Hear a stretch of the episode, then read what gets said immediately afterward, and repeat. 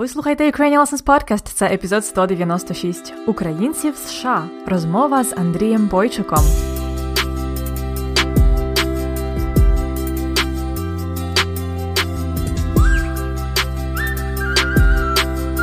Привіт-привіт! Це Анна і новий епізод уроків української подкасту для всіх, хто вивчає і любить українську мову. Це п'ятий сезон подкасту.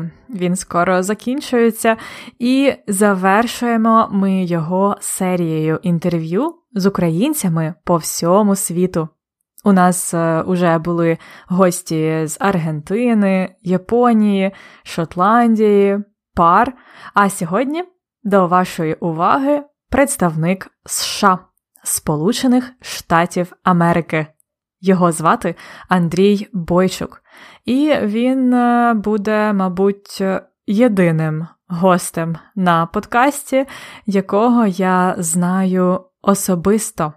Це мій колишній клієнт і зараз добрий друг з Нью-Йорка. Отже, готові переходити до розмови?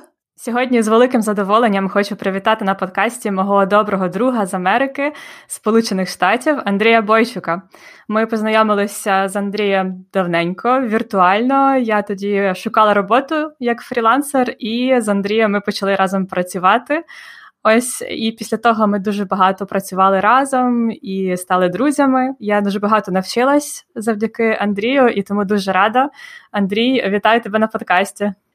Дякую, Аня. Дякую за, за те, що запросила на подкаст. Е, сьогодні ми поговоримо трошки про твоє життя в Америці та більше про проект, який ми якраз разом починали розробляти. Це портал для українців е, в Америці Іммігрант Порада. Але для початку розкажи, будь ласка, нашим слухачам трошки більше про себе, коли ти переїхав е, в Сполучені Штати і чому саме в США? Я приїхав у 2004 році в Сполучені Штати Америки, е, і мені ще тоді було 16 років, якщо я не помиляюся. І, і я приїхав, бо мої батьки сюди переїхали, і я переїхав до батьків. І з того часу живу тут. І де саме ти зараз живеш, розкажи? Е, зараз я живу в штаті Нью-Йорк, місто Статен Айленд. Тобто це один з районів Нью-Йорк Нью-Йорк Сіті. І я знаю, що ти підтримуєш досить тісні контакти з українцями е, в Нью-Йорку і взагалі в Америці. Розкажи, наскільки активною є спільнота українців там, де ти живеш? Зараз е, просто зміни в цілому світі з цим ковідом, тому зараз менша активність, ніж була колись. Але українська спільнота в основному вона активна, особливо е, в ті часи року, коли йдуть якісь чи релігійні свята, чи українські свята, такі як Дні Незалежності або День Вишиванки. А в ті дні відбуваються дуже багато різноманітних а, подій в Нью-Йорку, і люди стараються зібратися разом, відсвяткувати те чи інше свято. Але пос, на, насправді це один з екскю, як сказати, екскюз. Виправдань. Так, один з виправдань, щоб просто зібратися разом і побачити один одного. Погуляти, так, так. сказати. А розкажи тоді більше про той проект, який я згадувала, іммігрант порада. Що це таке і для кого? Звичайно, е, в загальному іммігрант порада це інформаційний можна сказати, це Вікіпедія для українців в Сполучених Штатах Америки. Детальніше розкажу, що це ресурс, який я будував для того, щоб поширювати інформацію серед українців, як адаптуватися до життя в Сполучених Штатах Америки, або як прогресувати, як система в Америці працює і так далі. То я над цим проектом працював близько п'яти років, і ти була з самого початку на, на цьому проєкті.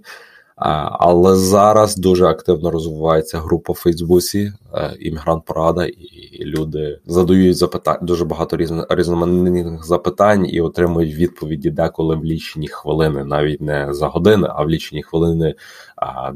Спільнота це дуже дуже дуже активна, і вони довіряють нашій групі, так як ми блокуємо дуже багато спаму, блокуємо дуже багато реклами.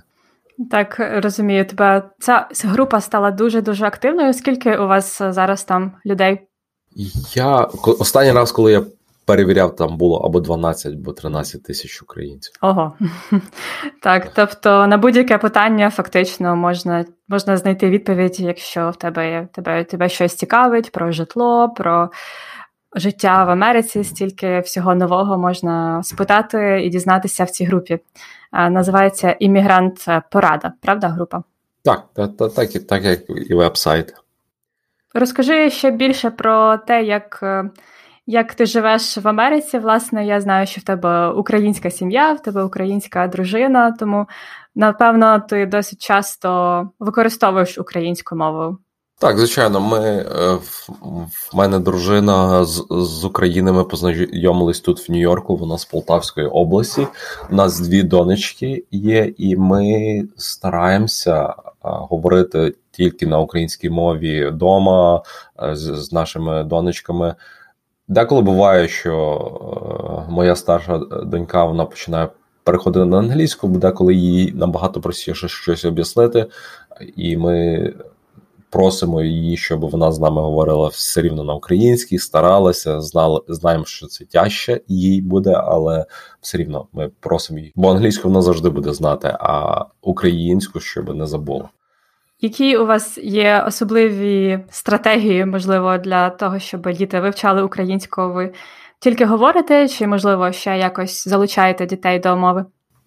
Мультики багато на українській мові, книжок в нас більшість на українській мові. Ми як їздили в Україну останній раз, такі дві величезні коробки передали з України книжок. А також ми моя дружина часто купляє книжки через Фейсбук в людей, вживані українські тут в Сполучених Штатах Америки, і також ми слухаємо казки деколи в машині, також на, на українській мові. І всі бабусі, дідусі, е, моя сестра, всі українці, тобто. Багато є можливостей практикувати. Так, так, так, так. І ти згадав про поїздку в Україну. Як часто ви буваєте в Україні? Колись бували кожен рік, але з ковідом ми того року не було. Але цього року вертаємось ми двоє вакциновані, так що нам набагато зараз простіше подорожувати, чим колись було. Класно. А взагалі про Україну ти провів в Україні перші свої роки до підліткового віку. Які в тебе є, можливо, спогади про Україну? От якась така ностальгія, можливо, щось ти таке згадуєш, що тобі гріє душу. Е, на рахунок ностальгії часто згадується школа, де в школу, в яку я ходив, е, також друзі, також е, стиль життя український, коли люди приходять один до одного в гості без запрошення або не потрібно попереджувати. Можливо, зараз щось змінилося, але в ті часи, коли я ще ріс в Україні, не було такого, що треба договоритися, треба назначити зустріч, е, чи ти свобідний, чи не свобідна. Ти просто йдеш в гості, та й все. А також е, я західної України з Івано-Франківська. Так часто ми їздили в гори, згадуються ці походи в гори з палатками. Можливо, є ще щось, чого тобі бракує зараз в Америці, що було в Україні. Більшу половину свого життя я вже живу в Сполучених Штатах Америки, тому е, я як їду в Україну, Україна для мене як е, вже є за кордон, що я їду uh-huh. туди на відпочинок. Там там дуже багато речей, яких немає в Сполучених Штатах Америки, е, які, за якими я скучаю, наприклад, там. Ну, напевно, чого не вистачає саме більше, це, напевно, їда, традиції, а, традиції як люди вдіваються. Мені подобається, коли в неділю люди нарядні ходять по місту. Дуже великий контраст з Нью-Йорком і, скажімо, з маленьким містом Івано-Франківськ. А, такі речі. А що ти маєш на увазі конкретніше про одяг?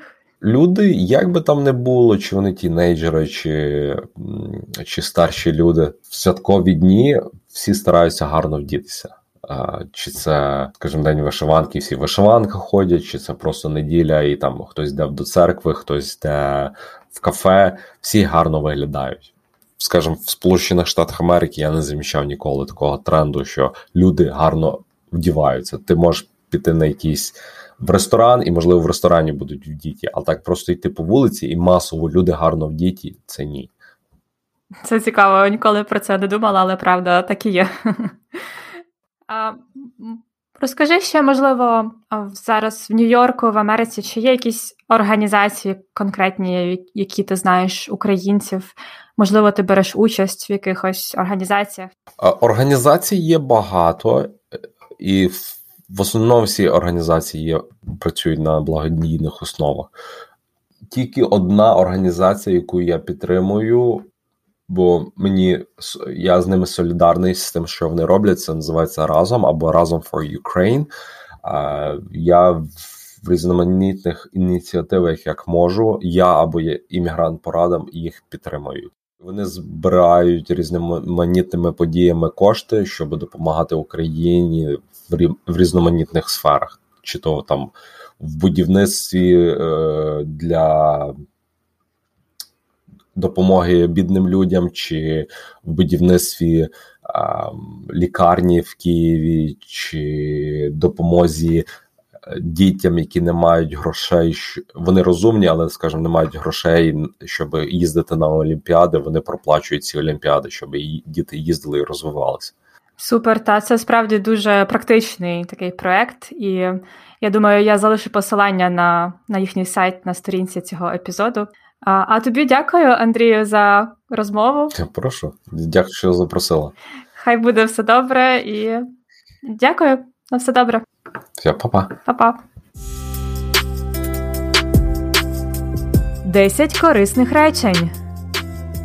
А зараз послухаємо ще раз кілька уривків з інтерв'ю, які мають корисні і цікаві для вас речення. Готові? Речення номер один. Мені ще тоді було 16 років, якщо я не помиляюся. Йому ще тоді було 16 років. Він каже: Якщо я не помиляюся. Українською ми досить часто говоримо таку фразу якщо я не помиляюся. Якщо я не помиляюся, Ukrainian Lessons Podcast має вже майже 200 епізодів. Якщо я не помиляюся, Анна зараз живе у Швеції. Тобто ви не впевнені на всі 100, а говорите, якщо я не помиляюся, тобто про всяк випадок, щоб е, не говорити неправду. Повторіть, мені ще тоді було 16 років, якщо я не помиляюся. Далі Андрій розповідав про групу Іммігрант Порада на Фейсбуці. Люди задають запитань дуже багато різноманітних запитань і отримують відповіді деколи в лічені хвилини, навіть не за години, а в лічені хвилини навіть не за години, а в лічені хвилини люди отримують відповіді в цій групі. Можна ще сказати за лічені хвилини. Це означає дуже швидко, фактично за кілька хвилин, тобто менше, ніж за годину. Повторіть, люди отримують відповіді в лічені хвилини. Далі Андрій розповідав про своїх е, дочок або доньок і як вони вчаться говорити українською. Деколи буває, що е, моя старша донька вона починає переходити на англійську, бо деколи їй набагато простіше щось об'яснити. Деколи це те саме, що інколи. Деколи буває або інколи трапляється, що його старша донька починає переходити на англійську. Тобто вона починає говорити англійською е, з батьками замість української. Вона переходить на англійську, бо їй так простіше щось пояснити. Можна переходити повністю на якусь мову. Наприклад, Якщо ви приїхали в Україну, вивчили там українську мову і повністю перейшли на українську, і тепер в житті в Україні говорите українською. А можна також переходити на мову в конкретній ситуації. Наприклад, ви можете сказати, можемо перейти на українську. Тобто ви пропонуєте людині зараз, в конкретний момент, почати говорити українською. Можемо перейти на українську. Повторіть речення Андрія. Деколи буває, що моя старша донька починає переходити на англійську.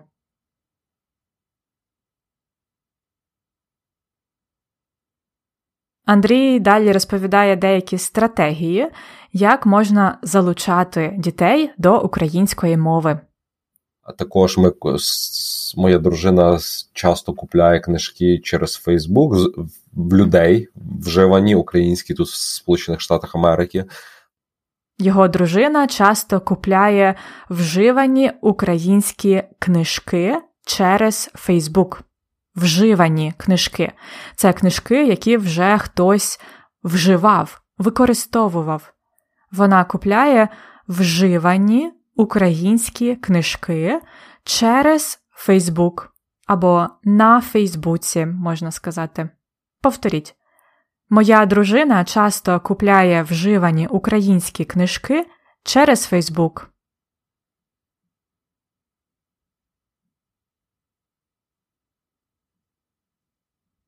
Слухаймо далі.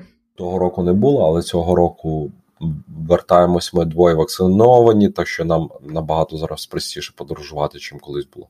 Андрій з сім'єю планують е, поїхати в Україну цього літа. Тепер вони вже можуть це зробити, бо вони двоє вакциновані. Це слово дуже актуальне для 2021 року, коли зараз всі вакцинуються від ковіду. Так от вони з дружиною двоє вакциновані, тому їм зараз набагато простіше подорожувати, ніж раніше колись було. Повторіть, ми двоє вакциновані. Далі я попросила Андрія згадати щось з України, щось ностальгійне. Я сказала, можливо, ти згадуєш щось, що гріє тобі душу, щось, що гріє душу, що приносить приємні відчуття, приємні спогади.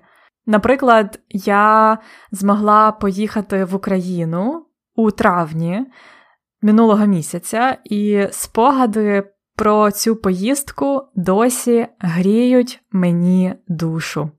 Повторіть, можливо, ти згадуєш щось, що гріє тобі душу.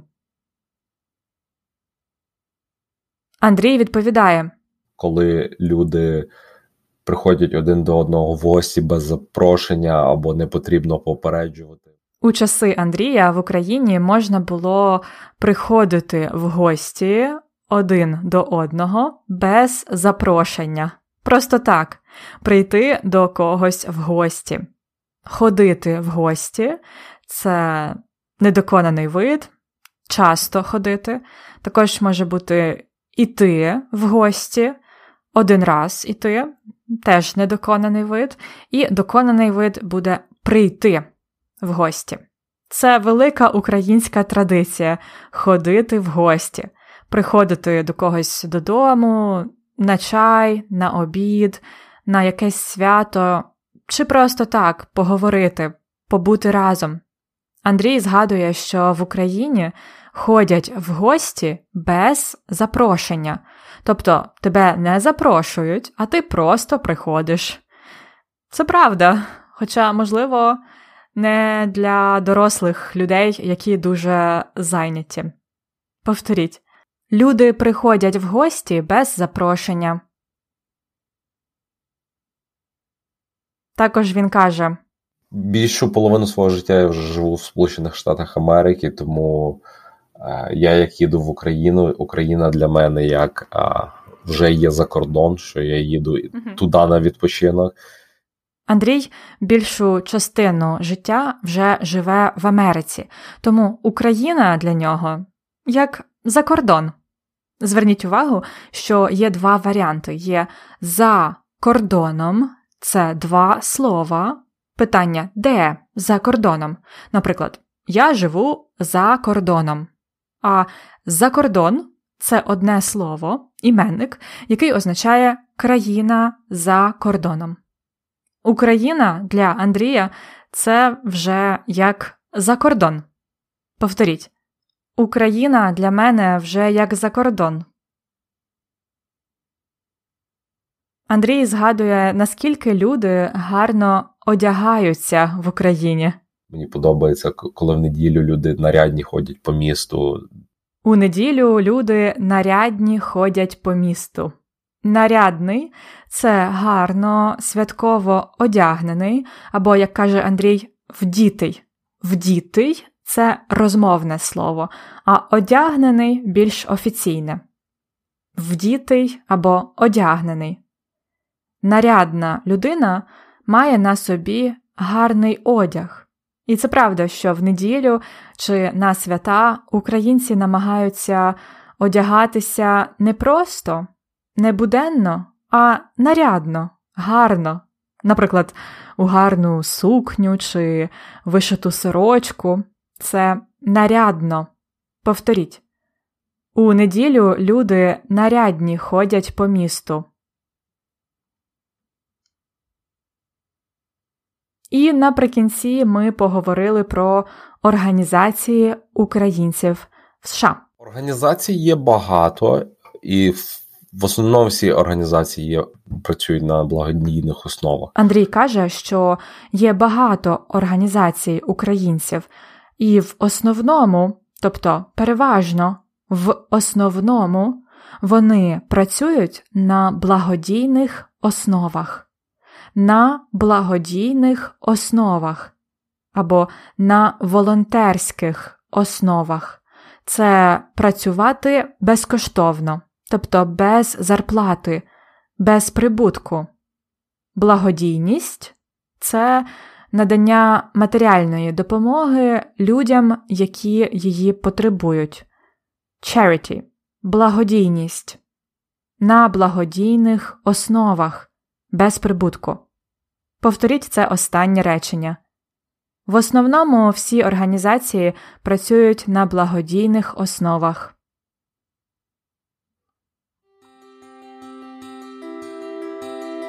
Сьогодні ви дізналися трошки про українців першого покоління, які живуть у Нью-Йорку.